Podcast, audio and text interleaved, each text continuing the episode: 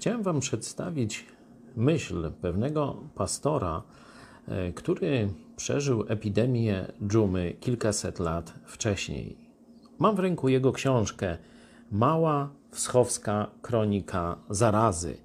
Pastor nazywa się Samuel Fryderyk Lauterbach i niech Was nie zmyli niemieckie nazwisko. Był to człowiek, który czuł się Polakiem i przedstawiał historię Polski, pisał także do Polaków, pisał też po polsku, choć na przykład to jest pierwsza historia Polski w jego właśnie wydaniu dla Niemców po niemiecku. Także starał się rozsławić Polskę jak mógł.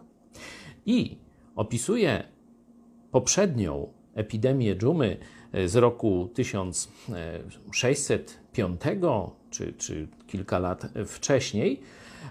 Jego poprzednik wtedy też zasłużył się, ratując miasto Wschowę od epidemii, czyli stojąc na czele nawet, można powiedzieć, zarządzania miastem, a on opisuje swoje duchowe wnioski po epidemii. Jednym z tych wniosków chciałem się z Wami podzielić.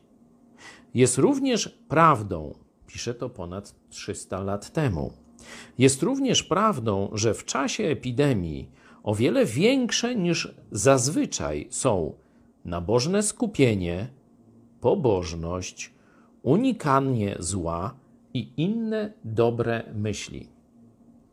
Zobaczcie, że teraz przy epidemii koronawirusa dokładnie to samo się sprawdziło. Na samym początku tej docierającej do Polski epidemii nagraliśmy klip Koronawirus i co teraz? Ponad 400 tysięcy Polaków go obejrzało. Zobaczcie, dalej jest to prawdą.